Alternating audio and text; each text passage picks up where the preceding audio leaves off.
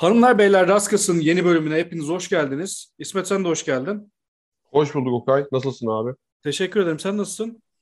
İyi. Hemen şey yapayım. Özel gündemden bir kutlayla başlayayım. Geçmiş olsun hafta arası aileden bir sağlık problemi yaşadım.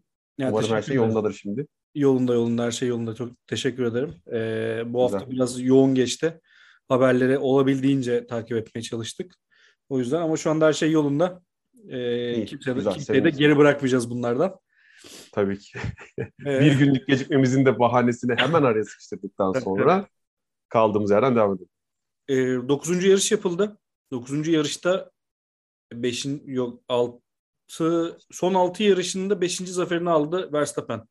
Toplamda da 5 Peki- bin altın oldu. Tam hatırlamıyorum onu. Peki hemen ben de hatırlamıyorum. Önemli değil. Hemen sorumu sorayım. Sezonun en iyi yarışı mıydı? Yani bence evet. Bence net öyleydi biliyor musun? Yani e, Bahreyn'i de gördük. İşte ne bileyim başka Abi şöyle- Charles'ın zaferi Şöyle özetlemek gerekirse e, şeylerden veteranlardan bir tanesi ilk çizgideydi. Diğeri ilk dörde geri döndü bir şekilde. Hatta sonra podyum aldı. Yarışın sonunda son hatta 10-15 tur kadar inanılmaz bir baskı ve baskıya dayanma hikayesi izledik. E, tam ondan bahsedecektim. Tam Çok böyle- süre Tam Sonra- böyle performansı soru işareti dediğimiz pilotlardan bir tanesi bence kariyerinin en iyi yarışlarından birini çıkardı. Önüne gelen fırsatı ne kadar değerlendirememiş olsa da e, kariyerin en iyi yarışlarından hatta belki de en iyisini çıkardı. E, şampiyonada şampiyon kimden adayları- orada? şampiyon adaylarından biri olarak gördüğümüz pilotlardan bir tanesi en geride başlayıp e, yukarılarda defa. bitirdi. İlk defa. Dolayısıyla hani güzel bir yarıştı ya. Tam bundan bahsedecektim. Mü- müthiş oldu. Şunu kullanacaktım. Çok çok uzun süre sonra bu kadar çok boyutlu bir yarış izledik. Evet evet her Ee, anlamıyla. Ha, yani e, sol, sol üst soldaki ekranın solundaki sıralamanın her bir ne denir kısmında takip ettirecek bir aksiyon oluyordu. Evet evet. Ve yarış içerisinde değil sadece hafta sonu boyunca da bu dinamikler o aralıklar içinde sürekli değişti. Çok boyutlu yarış. Gerçekten çok özlediniz. Ben bilmiyorum herhalde şu an kadar sezonun en iyi e, hafta sonu diyeceğim. Bir gün önce iklim değişikliği sağ olsun. E, Evet, buradan evet. Bu Sebastian de her selam şeyi verelim. ya. selam gönderelim. Müthiş ıslak e, stratejinin askın olduğu hani zarların farklı fa- her gün için farklı atıldığı e, bir e, atılmasına neden olmuş bir sıralama. Üstüne şunu bile çok etkiledi. Cumartesi günü slick ya da işte ya slick derken hepsi slick aslında. E, yumuşak, orta ya da e, sert lastiklerin hiçbiri tüketilmediği için pazar günü de eller bayağı cepler bollaştı. Aynen aynen. Ki bu bolluktan tersten hemen şeye bağlayayım. Selam az önce gönderdiğim veteran Fettel sağ olsun bu bolluğun ceremesini çekti diyeyim. Aston Martin e, pit ekibi, pit duvarı sanırım herhalde bir 10 tur daha olsa en az bir sefer daha pite çağıracaktı Fettel garibim. Yazık. yani oradan da ona bağlamış olayım. Abi şeyi de atlamayalım. Güvenlik aracı gördük. Sanal güvenlik aracı gördük. Yağmur gördük. Kuru hava gördük. Yani hakikaten bu hafta Çok sonu keyifli. görmediğimiz Formula 1 e, nazarında görmediğimiz bir şey kalmadı herhalde ya. Gör- kalmadı. Şunu da gördük. Tabii ki senin pek sevmediğin istatistiğimi hemen paylaşayım. Bu sefer sonra bırakmayayım. Sen söyledin. Ee, şampiyon sürüşü devam ediyor. Olgun sürüş ki hiç fena olmayan bir baskı. Çok ciddi bir baskı yoktu. Katılmıyor, şeye katılmıyorum. Yani Bence çok ciddi bir 0-6 baskıydı. saniyenin altını kıramadı yani DRS'e rağmen e, Sainz. Burada tamamen iki aracın head e, pace'leri bu en yüksek en yüksek düzlük hızını karşılaştırdığımızda asla Red Bull e, yakalanmadı. Ama e, pardon ama değil. Bunun da sonucunda Verstappen benim her hafta bu sıra verdiğim ve bir süre daha vereceğim gibi görünen, vereceğim görünen e, tüm zamanların en çok kazanan sürücüleri e, sıralamasında 9'unculuğa tırmandı. E, en son bunu konuştuğumuzda geçen hafta 25'er e, galibiyetle e, Jimmy Clark ve Niki Lauda'yla e, 10. sıradaydı. Şu an 9. sırada 26 galibiyetle. Sırada 27 Jackie Stewart, 31 Nigel Mansell var. 32 El Plan var. Fernando Alonso. Ne diyorsun bu sene artı 6 galibiyet daha yazıp sence Alonso'nun üzerine çıkabilir mi? Yani muhtemelen çıkacaktır abi. Bunu daha önce de konuştuk. Şu anda takvimde yani 9 yarış yapıldı ve halihazırda 13 tane daha 13, yapılacak yarış var. E, herhangi bir e, takımın çok da yanına yaklaşamayacağını varsayarsak dayanıklılık problemi de olmadığı sürece çok büyük avantajı var. Dolayısıyla hani Yalnız şu anda söylediğin evet. şey şuna geliyor. Ee, Okay kalan yarışlarda %50 galibiyet oranı minimum.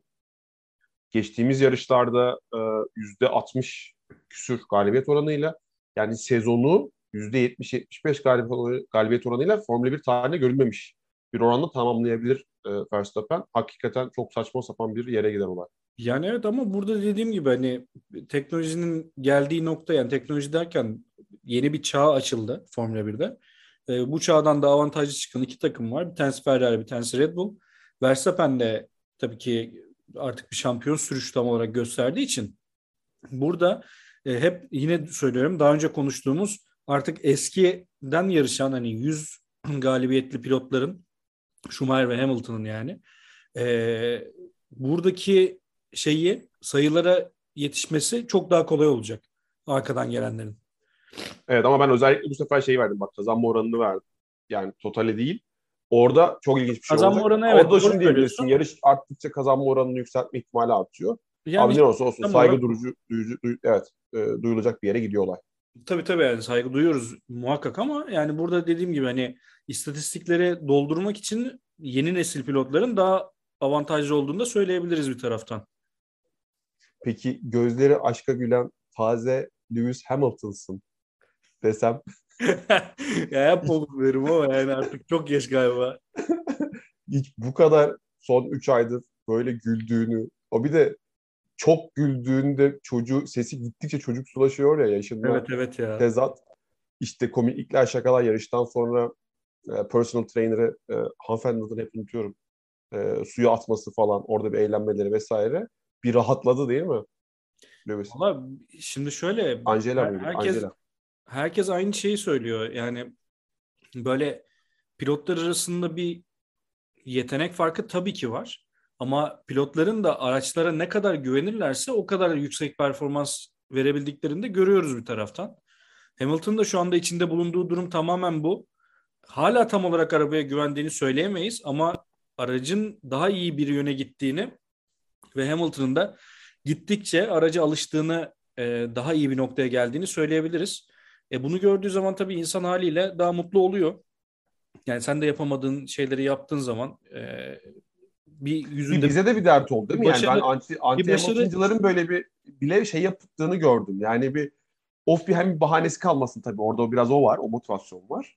Ama bir de şey yani oh bir rahatlasın da hani biz de ne, rekabete bakalım gibi bir şey oldu. Genel bir kanı olmuş. Evet evet. Çünkü ya şöyle bu bahsettiğim biraz önce bahsettiğimiz %75'lik galibiyet oranı görüldü, görülürse şayet e, bu sporu izlemekten çok da fazla keyif alınmayacak bir noktaya doğru gidebilir iş. Oklar çok hızlı tersine dönebilir değil mi? Ya aynen öyle. Bununla ilgili dün dün akşam sana söylediğim bir şey vardı. Bununla ilgili bir önerim olacak programda diye sana.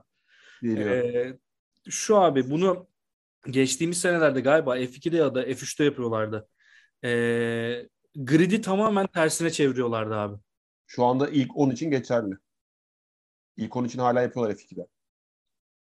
Tamam bunu Formula 1 için de yapsınlar abi o zaman. Ya Formula 1 için hatta tam tersine yani gerçekten tam tersine çevirsinler yani. İşte evet o da din eskidendi. Şimdi ilk 10 dönüyor.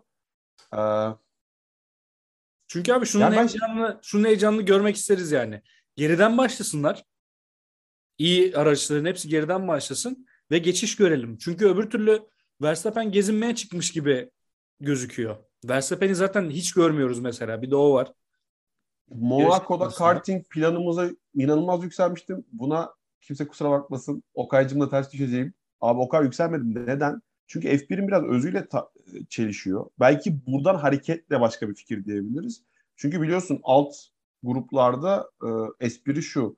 E, karting özünü koruyan e, mantalite. Araçlar aynı. Ya altyapı evet, aynı. Sürüşler kapışıyor. Şimdi yani Christian Horner hatta senin çok sevdiğin dedeciğin çok fena isyan eder ve yüzde yüz de haklı olur. Ben 2 milyar dolar para gömmüşüm. Farkı yaratmışım. Beni nasıl sona atarsın der. Bu bir. Ama buradan şuraya bağlayacağım sana. Bak bununla ilgili bir sorun vardı. Çok güzel onu hatırlattın bana. Hamilton geriye düştüğünde Brezilya'da efsane bir yani hiç kimsenin unutmayacağı bir yarış performansı izletti bize geçen sene. Charles'tan ben dürüst olayım. Böyle bir performans beklemiyordum. Gördük. Tabii ki burada hard lastikle sonsuza kadar gitmesi ve o ilk çok optimum şansı vardı. Çok optimum bir pist sıcaklığı vardı. Ortalama 41-42 santigrat derece. Bu ne demek? Hard lastiğin, sert lastiğin o ilk degradasyonunu atlattıktan sonra optimum sıcaklık oluşuyor ve degradasyon kesiliyor ve çok daha verimli tabii o sırada 10-15-20 tur atıldığı için pistte pistte o parçalar da güzel bir tutuş yüzeyi oluşturuyor. Degradasyon da kesiliyor bir seviyeden sonra ve Charles herkes çift pit stop giderken safety car'ların olmadığı kabulüyle tek pit stopla tırmanabiliyor. Sana sorum şu. Ne zaman birisi geriye düşse haklı olarak mecburen bir, bir az pit stop'a ve hani long run'a uzun vadeye gidiyor. Ve bir şekilde bunun hep sonuç verdiğini gördük. Peki neden mesela Verstappen en önde başlarken direkt bir, bir stop stratejisiyle başlamıyor konuya? Ya çok büyük fark yarattığı görünmüyor mu abi? Yani biz yani bu stoplara şey... bambaşka mı yaklaşsak? Başka bir... Yo yo burada bence tamamen veriyle konuşmak gerekirse burada şöyle bir şey var. Verstappen tek pit stop pek tabii yapabilir. Ama o tempoyu diğerlerine karşı bu kadar sürdürebilir mi? O biraz tartışılır. Yani burada e, tırnak içinde kaybettiği süre önemli. Evet. O zaman geride başlayan da bir tek pit stopla birinci olsun abi. Olamıyor. Niye? Çünkü Ama bu... işte olduğu aslında artı 10 sıra kazandı ve ortalama 17,5-18 saniye pit stop süresi olan bir yerde 18 saniye cebe attı. Bu ne demek abi? 70 turda çok kabaca tur başı 0,4 saniye cepten yeme lüksüyle başlamış ve bunu cebe attığı gibi artı 10 sıra kazanmış. Ya burada hani bir de üstüne şeyi var. Şunu düşün.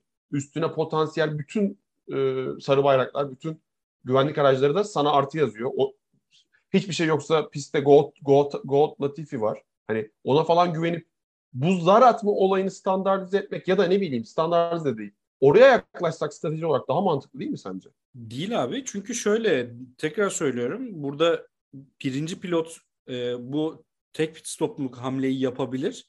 Ama pek tabii ki e, arkasından gelenler farklı lastik daha işte daha yumuşak lastiklerle daha rahat bir tempoda yarışı bitirebilir. Keza Sergio Perez gibi lastik kullanımında çok avantajlı bir pilot olduğunu düşünürsen mesela çok rahat bir şekilde Verstappen'den daha uzun sürelerde bunu koruyarak çok da rahat geçebilir. Yani buradaki e, tamamen arkayı düşünerek yaptığın hamleler yani arkanda e, pilot varken yaptığın hamlelerle önünde yaptığın hamleler tabii ki birbirinden farklı. Oradaki Tam demek istediğim undercutlar, o. Undercutlar da e, etkileniyor. Yani o işin içine giriyor. Yani öndeyken overcut'a gitmek. Çok, tam tersi bakmak. Anlatabildim değil mi kendimi? Yani bir masayı devirmek. Arada, Obradovic'in basketbol orada da, orada da şunu, gibi. Öyle bir şey mesela birisi böyle bir zibidilik yapsa mesela Fettel'in kaybedecek bir şey yok bu noktadan sonra. Fettel böyle bir strateji değişik yapsa tabii Aston Martin pit duvarına bunu anlatması biraz zor olur ama yani burada e, ama burada şu önemli. Araca güvenmek önemli. O kadar onu diyorum. Verstappen'in kaybedecek neyi var? Öyle ki e, poli aldıktan sonra böyle bir stratejiye hani biraz daha benimseseler ve bu şu demek gridde ışıklar söndüğü anda eksi 10 yazma lüksün var. Ya geçil. Bir geçil, iki Şöyle, geçil. Hani anlatabiliyor muyum? Bir de üstüne sadece safety car değil bu sefer defans da hani öndesin. Defans yapma lüksün de var. Zaten çok iyi defans yapan bir O zaman, o zaman şöyle, şöyle örnek vereyim abi. Tekrar başa alıyorum.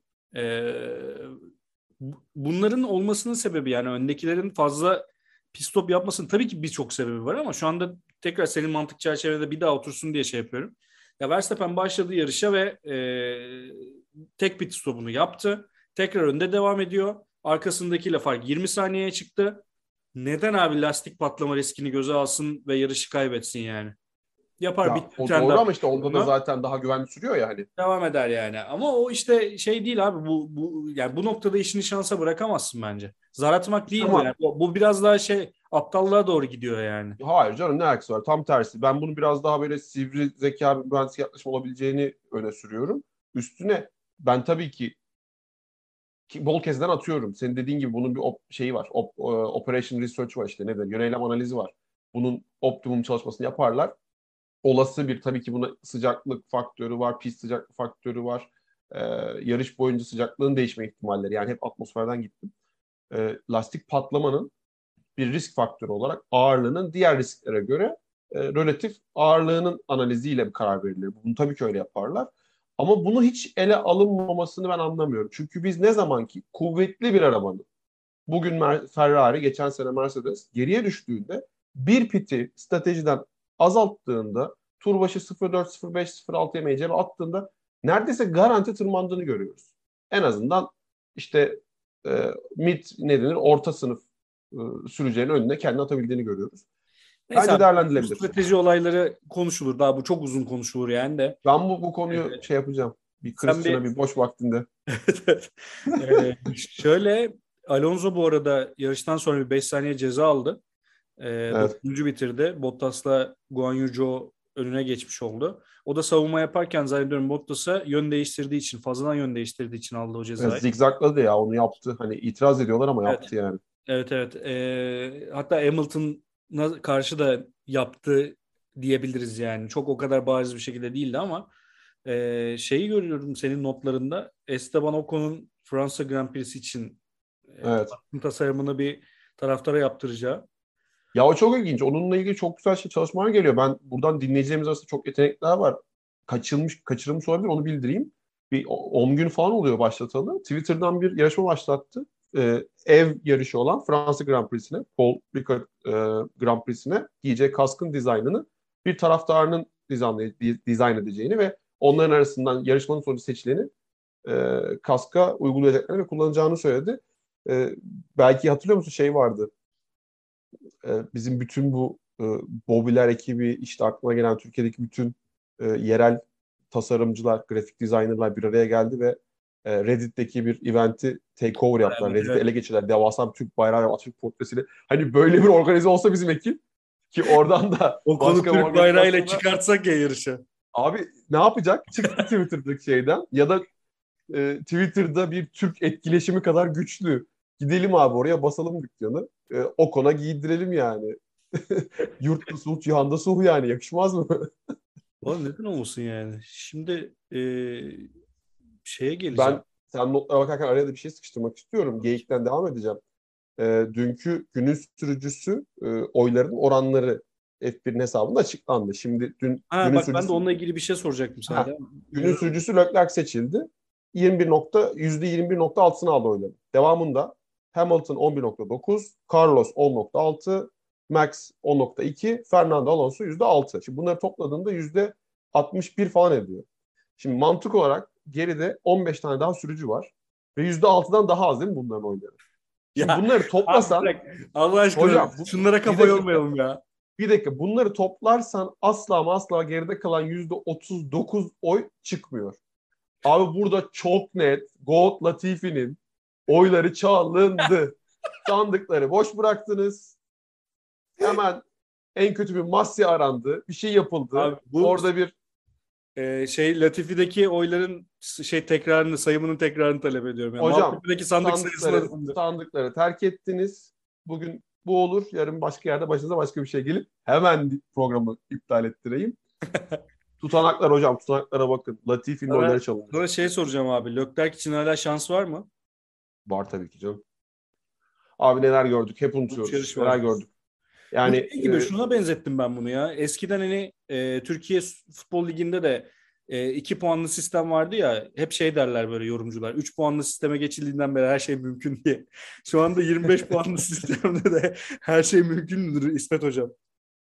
Ben şeyden biraz yine o, bunu da kimle konuşayım? Bunu da Dominik Ali ile bir hafta sonu görüşeceğim.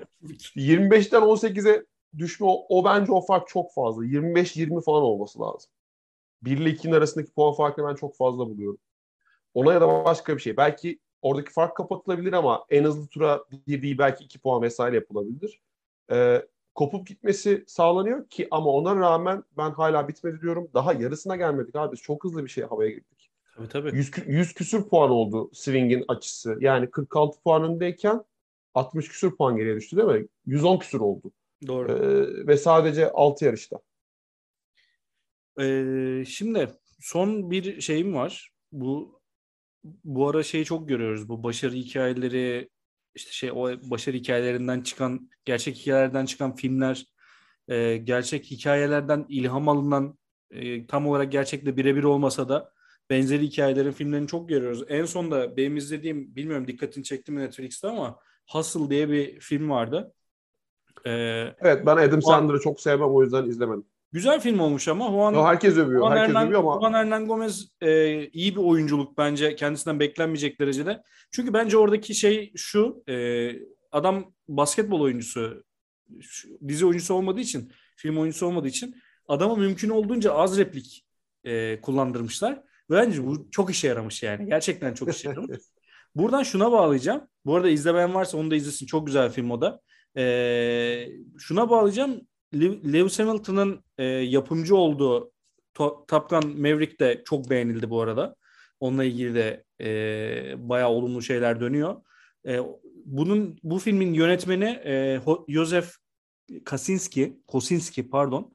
E, Brad Pitt'in başrol oyuncağı bir film çekeceğini e, açıkladı. Bu da e, emekliliğine ara veren yani böyle efsanelere karşı mücadele eden çaylak bir sürücü için emekliliğine ara veren eski bir Formula 1 pilotunu canlandıracakmış. Brad Pitt yani Brad Pitt arabalar arabalar 4. arabalar 4 diyebiliriz öncelikle. Ya şu konuya bu kadar vakit ayırdım. Bu yorumu Abi, yapamazsın. Ayıp ya. Abi bir şeyden çok korktum. Brad Pitt de Mater'mış diyelim bir de öyle olsun. Lewis Ay, öyle şey, zaten abi. Tamam, zaten bir düzeltme e, sen şey yapan arada kaynadı arkadaşlar sonra sana sana linç atacaklar yani seni savunduğundan başka bir şey değil. Hadi bakalım. Yapımcısı olduğu dedin Top Gun'ın yapımcısı gibi anlaşabilir. Arkadaşlar Okay orada hızlı geçti. Yapımcıların e, Top Gun'ın yönetmeni yönetmeni olacak. Brad Pitt oynayacak. Lewis Hamilton bu Formula 1 filminin yapımcısı olacak. E, hikayede çok katkıları olacakmış. Bunu duyduğum anda tüylerim diken diken oldu. E, kötü bir Arabalar 4 izleyebiliriz. Brad Pitt'e güveniyorum. Umarım o orada bizi yanıltmaz. Ee, bekleyeceğiz, göreceğiz. Bir kendime düzeltme. Az önce 100 küsür puan mıydı, 110 puan mıydı dedim. Fark 95 puana çıktı. 6 yarışta. Makas bu kadar açıldı. Sonra linç yiyorum ben de hemen düzelteyim. Kusura bakmasın arkadaşlar. Abi şu en son kural değişikliği mevzusuna geleceğim. Buna da değinmek Aa, güzel konu. Dur. Ee, şu linçi ağız tadıyla bir yiyeyim. Evet gönder hocam. Abi şöyle ya sezon ortasında kural değişikliklerine çok alışkın değiliz. Ama bunun da çok bariz bir şekilde Mercedes lobisiyle geldiğini de e, herhalde inkar edemeyiz ya. Ben sana sorayım şimdi bu cümleyi kurdun ya şüphe ettim kendimden. Çünkü e, internette okuduklarıma çok güvenmiyorum ama kuralı da okudum. Bende bir hata var herhalde. Mercedes lobisiyle geldi diyorsan abi e, kuralın Mercedes olası avantajları nedir? Ben sana sorayım. Abi bir e, avantaj değil. Yani Mercedes bunu avantajı olacağı şekilde bir değişiklik talep etti. Ama işler onların beklediği gibi gitmedi. Yani aslına bakarsan bu ama yani özüne bakarsan tam konunun başına dönersen bu yunuslanma yunuslanma problemiyle ilgili en çok problemi yaşayan kim? Mercedes. Bravo. Tamam. Yüzden, aynı fikirdeyim. Bunu, bunu talep eden kim? Mercedes. E, her, herkes açıklama yapıyor. Diyor ki abi tamam sorunuz var da o zaman aracı yükseltin. E, Mercedes bir... bunu kaybetmek istemiyor. Dolayısıyla böyle bir açmaza gir, giriyor mevzu ve kural değişikliği Mercedes'e yaramıyor. Abi şöyle diyeceğim. Bir, e, bu kısmına yüzde yüz katılıyorum. İki, sadece Mercedes yaşamıyordu. Bu konuda en çok ağlayan, tırnak içinde ağlayan Mercedes'ti. Yüzde yüz katılıyorum. Çünkü senin de dediğin gibi arabayı yükseltirse 1.34 saniyelere varan artı bir e, zaman kaybedecekti şu anki performansından. Ondan fedakarlık yapmak istemediler. Bu yüzden de özellikle geçen haftaki yarışta ve bu cumaki Kanada idmanlarında özür dilerim. Bu hafta hiç girmediler. Yanlış bir şey söyledim. Geçen haftaki yarışta e, olabilecek en yere yakın formasyonuyla arabanın ayarlarıyla geldiler. Hamilton'ın omurgasına kadar zarar veren ve benim işte ilk linçimi yediğim kısım. Biraz orada Hamilton ve Toto e, sempatikalı bir imajım seni şey yapmışım. Hayır arkadaşlar ben çok acı çekiyorum bu işlerden. Adamın acısını hissettim. Sadece bu. Yaşlıyım yani. Neyse. E, bundan dolayı çok ağladılar ve ağladıkları için antipati oluştu cepte. Yalnız biraz sosyal medya ilişkilerinden böyle yanlış anlaşılıyor. Kuralı bir açın okuyun arkadaşlar. Kural dümdüz Mercedes'in böyle bir olası devam etme ihtimalini tıkadı. O da şu ki zaten biliyorsun bu kuralın çıkacağını bizden önce biliyorlar. Hafta arasında da biz duymadan e, C, şey James, şey pardon, Bono mu? E, yarış mühendisi. Şey, Sandal, şey, e, stratejist adını hep karıştırıyorum. Andres, Andres Stendhal. Bravo o. Onun açıklaması oldu. Dedi ki evet biz bir hata yaptık. Çok zorladık şartları. Arabanın şartlarını sürücülerimize çok yük koyduk. Daha koymamalıyız bir daha dediler. Yani yüzde yüz e, takım stratejisi, stratejisti bunun sorumluluğunu üzerine aldı. Sürücülerini riske attığına dair sağlıklarını. Nitekim gelen kuralda çok özetli şunu diyor. E, taban ne denir? Formasyonunun rigidliği yani esnemesiyle ilgili katsayıyla ilgili henüz bir matematiksel formül geliştirilmemiş olsa da FIA tarafından geliştirilecek. Evet. Takımlara bu anlamda bu esneklik katsayısı ile ilgili bir maksimum verilecek. Bu esneklik katsayısının altında esneyen bir taban olduysa ve tabii ki bunun da sonucunda e, maksimum ve maksimum osilasyon yani salınma yani zıplama e, deltası hesaplanarak bunun üzerine çıkan tabanları olan araçların minimum şu kadar seviyeye kadar arabayı alçaltabilirsiniz gibi minimumları onlara deklar edilecek. Eğer buna uymadıkları görülürse ceza puanının yanında otomatik 11 milimetre yani 1.1 santimetre yükseltmeleri o anda tespit edildi hafta sonunda ki biliyorsun öyle bu 1.1 santimetre çok yüksek bir müdahale bütün ayarları mahveder. Resmen o takımın elinden o hafta sonu çalmak. FIA diyor ki kendi sürücünün hız için sağlığını riske atarsan bu bir artık sağlık sorunu olmuştur. Bunu kabul ettiler. Hı. Çünkü orada da yine bir düzeltme yapmak istiyorum. Sadece Mercedes yaşamıyor bunu arkadaşlar. Belki yani grafikleri görürseniz şey incelerseniz göreceksiniz. Red Bull dahi yaşıyor ama en az etkilenen tabii ki. Çok iyi bir araba yaptıkları için. Onu kenara koyarsak neredeyse herkes bundan şikayetçi. Gazi'nin yorumlarını hatırlayın. Sadece geçen hafta. Ee, McLaren tarafından Ricardo, Ricardo başım dönüyor hala dedi. Yani yarıştan sonraki röportajında takribi yarım saat sonra başım dönüyor hala. Dolayısıyla bir e, iş sağlığı ve güvenliği anlamında diyelim. FIA kural değişikliği de değil bu arada. Şimdi çok detaya girdim affet bakışından da kızıyorsun bana görüyorum. bir kurallar var arkadaşlar bir de kural direktifleri var. Yani bunun karşılığı günümüzde kanun ve yönetmelik gibi iyice sıkıcı oldum. Bu bir yönetmelik kanun değişmedi daha arkadaşlar. Kural değişikliği olmadı. Ama tabii ki o yönetmeliğin tavsiye niteliğinde ve FIA isterse bu yönetmeliğe istinaden uygulayabileceği bazı cezalar var. Günün sonunda kaybeden Mercedes oldu. İyi ki de oldu. Okay'cım kusura bakma. Abi özetle Hamilton Mercedes'e işveren davası açabilir mi iş güvenliğiyle çok alakalı? Çok net açar. O haftaya yönelik çok Teşekkürler. net açar. Pardon özür dilerim açamaz. Teşekkür ederim. Açamaz. Çeliştim kendine. Hiçbir kanun yönetmelik tarihte geriye dönüp işlemez hocam. Oğlum, Raskas kahvesinden bu hafta bu kadar. Şeydir yani hayatını etkiliyorsa falan hani doğuştan değilse bunlar hep olur yani. bu. Lütfen. Hocam öyle bir şey varsa zaten işçi biliyorsun kanun direkt işçinin yanında hocam. Sen her türlü kazanırsın mahkemeyi. o zaman ağzına sağlık İsmet'ciğim. Teşekkür ederim. Son kısım için tekrar kusura bakmasın arkadaşlar. Linçlerimizi hemen hemen inbox'a bekliyoruz. Bence alışmışlardır ya. İnşallah. Monaco Grand Prix winner. That was that was brilliant. That was your afternoon. Big Adrian's coming up to get the trophy with you. Well done. Tarihin en yavaş ama en hızlı dedikodu virajı Raskas sona erdi.